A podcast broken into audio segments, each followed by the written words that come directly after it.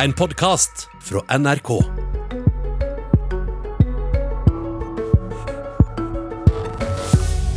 Hvorfor skal ungdommer i kommuner helt uten smitte ha halvparten av tida på heimeskole? Søndag anbefalte regjeringa alle landets ungdomsskoler og videregående skoler å gå over til rødt nivå. Helt feil å ha dette som et nasjonalt råd, mener Frp. Fra og med mandag og fram til 18. januar forberedes er alle landets ungdoms- og videregående skoler anbefalt å gå over på rødt nivå. Det betyr mindre grupper, større avstand og for de aller fleste halvparten av tida på heimeskole. Mari Trommal, du leia koordineringsgruppa for sårbare barn og unge. Hva tenkte du da du på søndag fikk vite om at regjeringa innførte rødt nivå på, barne-, på ungdomsskoler og videregående skoler over hele landet? Jeg ble veldig overrasket. Fordi at eh, vi har hatt noen erfaringer fra i fjor. Og om at hvis vi først eh, stenger ned eller gjør vesentlige innskrenkninger for barn og unge, så tar det så lang tid å komme tilbake igjen. Og de rådene som fagmiljøene har kommet med helt fra begynnelsen av april i fjor, er jo nettopp at vi ikke skal bruke generelle forebyggende tiltak som smitteverntiltak når det gjelder barn og unge, fordi vi mener det er uforholdsmessig. Ja, Hvorfor er det uforholdsmessig, mener det? Ja, her må man jo veie opp fordelene ved smitteverntiltaket å holde barn hjemme opp mot de konsekvensene det faktisk har at barn og unge ikke kommer på skolen. Og det Vi vet er jo at vi i Norge har jo laget en generell skole for barn og unge fordi det er viktig for læring, og fordi det er en viktig sosial arena for barna å være på. Og Vi vet ut fra forskning at de barna som strever aller mest nå, og som faktisk står i en reell risiko for å falle utenfor skole og arbeidsliv, ikke komme tilbake igjen, de barna som strever mest, det er jo de disse tiltakene går ut for. her. Vi skal snakke mer om, om, hvem det går utover og på hva for måte. Jeg må bare litt tilbake til dette med, med uh, rødt nivå og når uh, det blir sett. Hva var anbefalinga fra de ekspertgrupper om når en skal gå over til rødt nivå? Ja, her er det jo Folkehelseinstituttet og Utdanningsdirektoratet som har vært på en måte i førersetet for å jobbe frem til gode smitteverntiltak for å kunne holde skoler og barnehager åpne. Og Det vi har sett i vår eh, koordineringsgruppe, er viktigheten av å ha målrettede tiltak.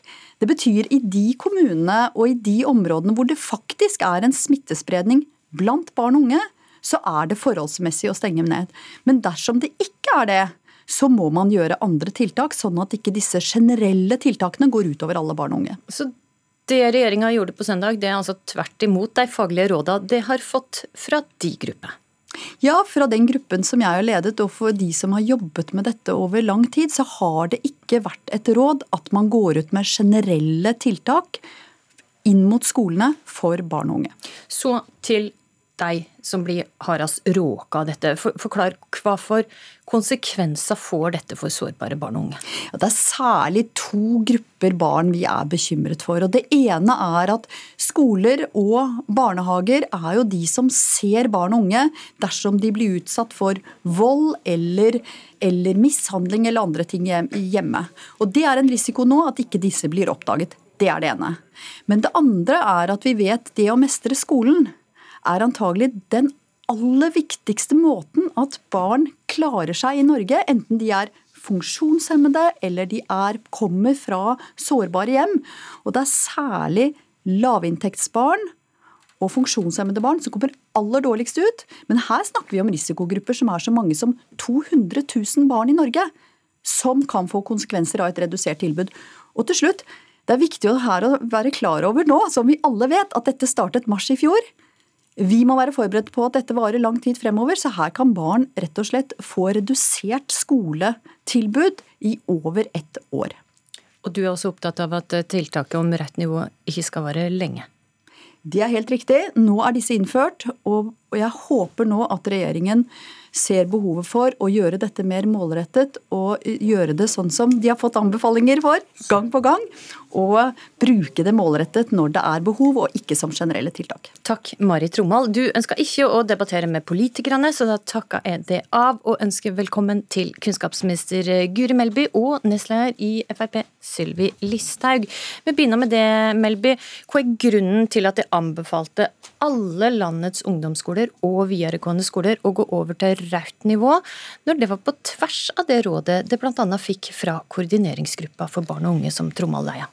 Grunnen til at vi nå har innført litt strammere tiltak, men likevel holder alle skoler åpne, jeg har lyst til å understreke det, vi fikk jo også et faglig råd fra Helsedirektoratet om å gå over til full hjemmeundervisning for både videregående og ungdomsskole rett etter jul, og fortsette med det fram til 18.1.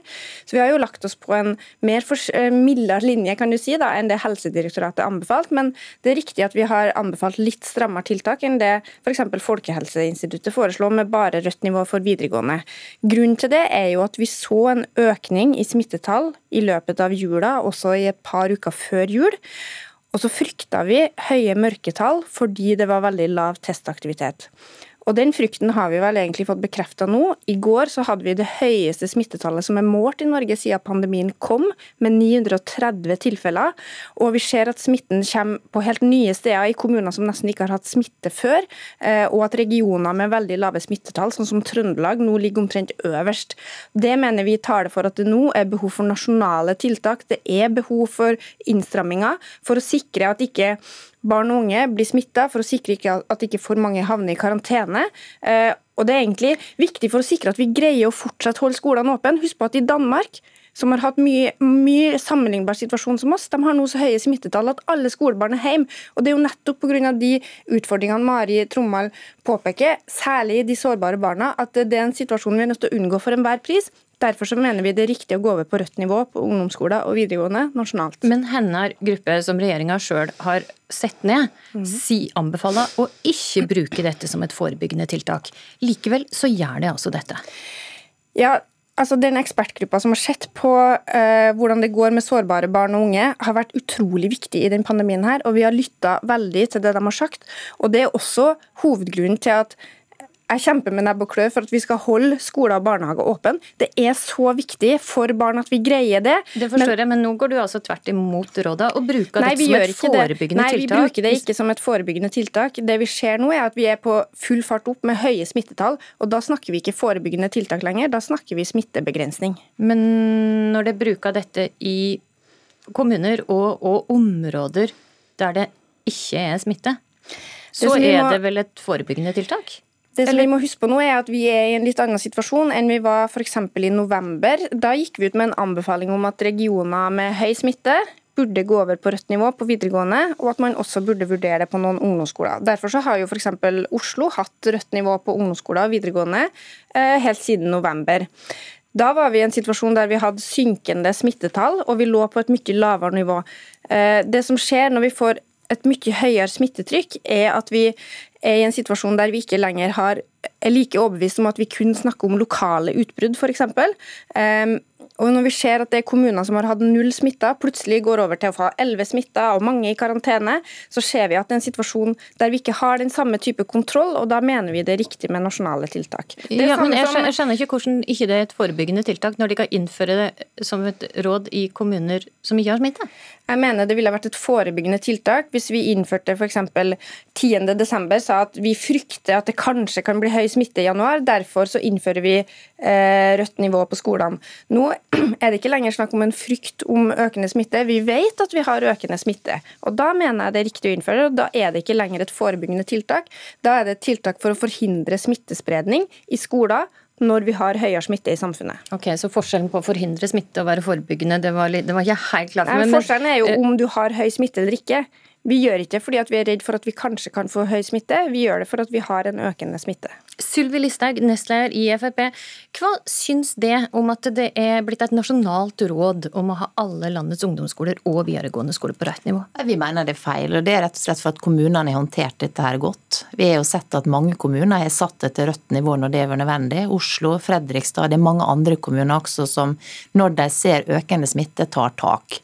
De som betaler prisen for dette her nå, er jo barn som opplever skolen som et fristed som nå kanskje må være hjemme deler av tida, eh, der de ikke får oppfølging.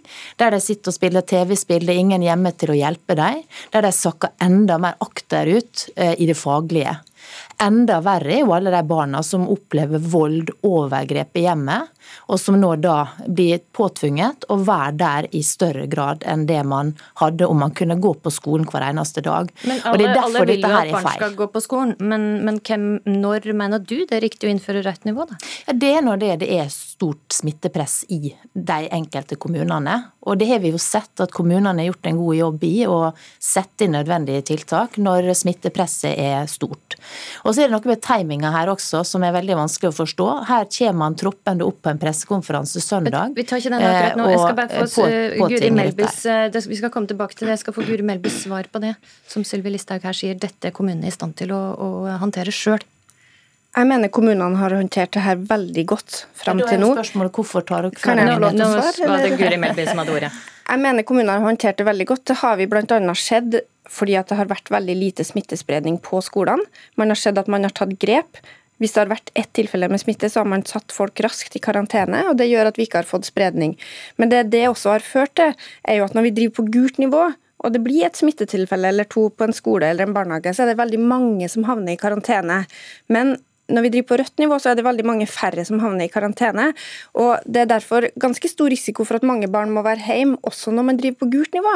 Jeg har hatt unger hjemme i karantene flere runder i høst, og det er jo unger som da ikke får vært på skolen i det hele tatt. Når de er på rødt nivå, så skal alle være på skolen jevnlig. De aller fleste kommer langt over halvparten av tida på skolen, og de skal ha oppfølging. Og jeg har også lyst til å understreke de sårbare barn og unge de skal ha et fysisk tilbud som går ut over det som alle andre får. Hvis det er noen som har behov for å være på skolen fra åtte til fire hver dag, så skal de selvsagt få lov til å være det. Ja, de man vet om, men problemet er jo alle de man ikke vet om. Som opplever vold, overgrep hjemme, og som ikke blir sett, men som har eh, skolen som sitt fristed. Men de vil jo ikke få det noe bedre dersom de er i karantene. Og hvis vi skulle bruke din eh, logikk, da er det jo rart at ikke dere satt alle skoler på rødt allerede, da, hvis det er et problem å ha dem på gult, for så at folk må, må i karantene. Men så dette her, det, følger... det, henger ikke på greip lenger. og jeg vil si det at... Okay, Melby, logikken vår følger smittetallene. Det er det som er poenget. Når smittetallene er lave, så er det relativt liten fare for at noen blir smitta, også i skolen.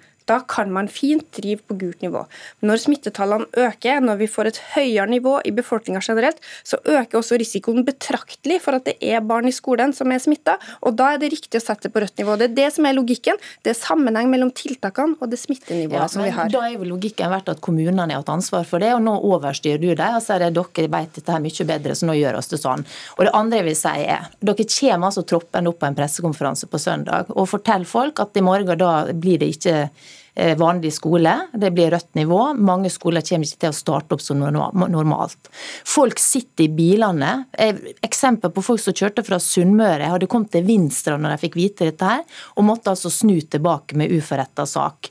Eh, og Det er ikke et enestående tilfelle. Det er altså en måte å styre dette her på som rett og slett ikke går an. Dere må være tidligere ute, ta folk på alvor, og ikke drive på eh, og skalte og valte med disse reglene på den måten som vi ser nå. Melby, dette rådet kom jo vel seint. Ja, jeg skulle ønske at pandemien ikke var så uforutsigbar. Men jeg syns det er vanskelig å bli kritisert for for det første at man ikke skal stramme inn forebyggende, og samtidig at man gjør det for sent. For hvis vi hadde gjort det litt tidligere, så hadde vi gjort det nettopp forebyggende, fordi at vi trodde at det kanskje kunne bli litt høyere smitte. Så man må nesten velge hva man skal kritisere for. Enten så er man for streng, eller så er man for sent ut. Og jeg skjønner altså, Jeg har stor respekt Jeg vil bare si det at å, å legge ut dette her på Facebook-sida til Bent Høie Tror dere at folk sitter på lørdagskveldene og følger med på Bent Høies Facebook-side? Altså Det er helt vilt. Og så vente da til søndagen med å få ut dette budskapet. Det går rett og slett ikke an. Og nå må dere begynne å sette sette informasjonsplikten ut til folk først. og Det er faktisk viktigere enn at okay. dere venter har- til dere har tid ti til å sekunder til å svare på det, Jeg har Melby. stor respekt- Jeg har stor respekt for at det eh, er frustrerende at ting blir kasta om, at lærere må endre opplegg, og at studenter som kunne ha blitt hjemme til mor og far lenger, ikke får muligheten til det. Vi gir beskjed til folk så fort beslutningene er fatta. Dessverre så må vi ta beslutninger på kort tid, og det gjør vi for å hindre smittespredning. Og det er for å ta vare på absolutt alle, også sårbare barn og unge. Og der fikk du siste ord, eh, Guri Melby. Takk for at du kom til Politisk kvarter i dag. Eh, Takk også til det, Sylvi Listhaug. Husk at eh, det kan laste ned Politisk kvarter som podkast og få sendinga rett til din mobil hver eh, morgen. I studio i dag var Astrid Randen. Du har hørt en podkast fra NRK. Hør flere podkaster og din favorittkanal i appen NRK Radio.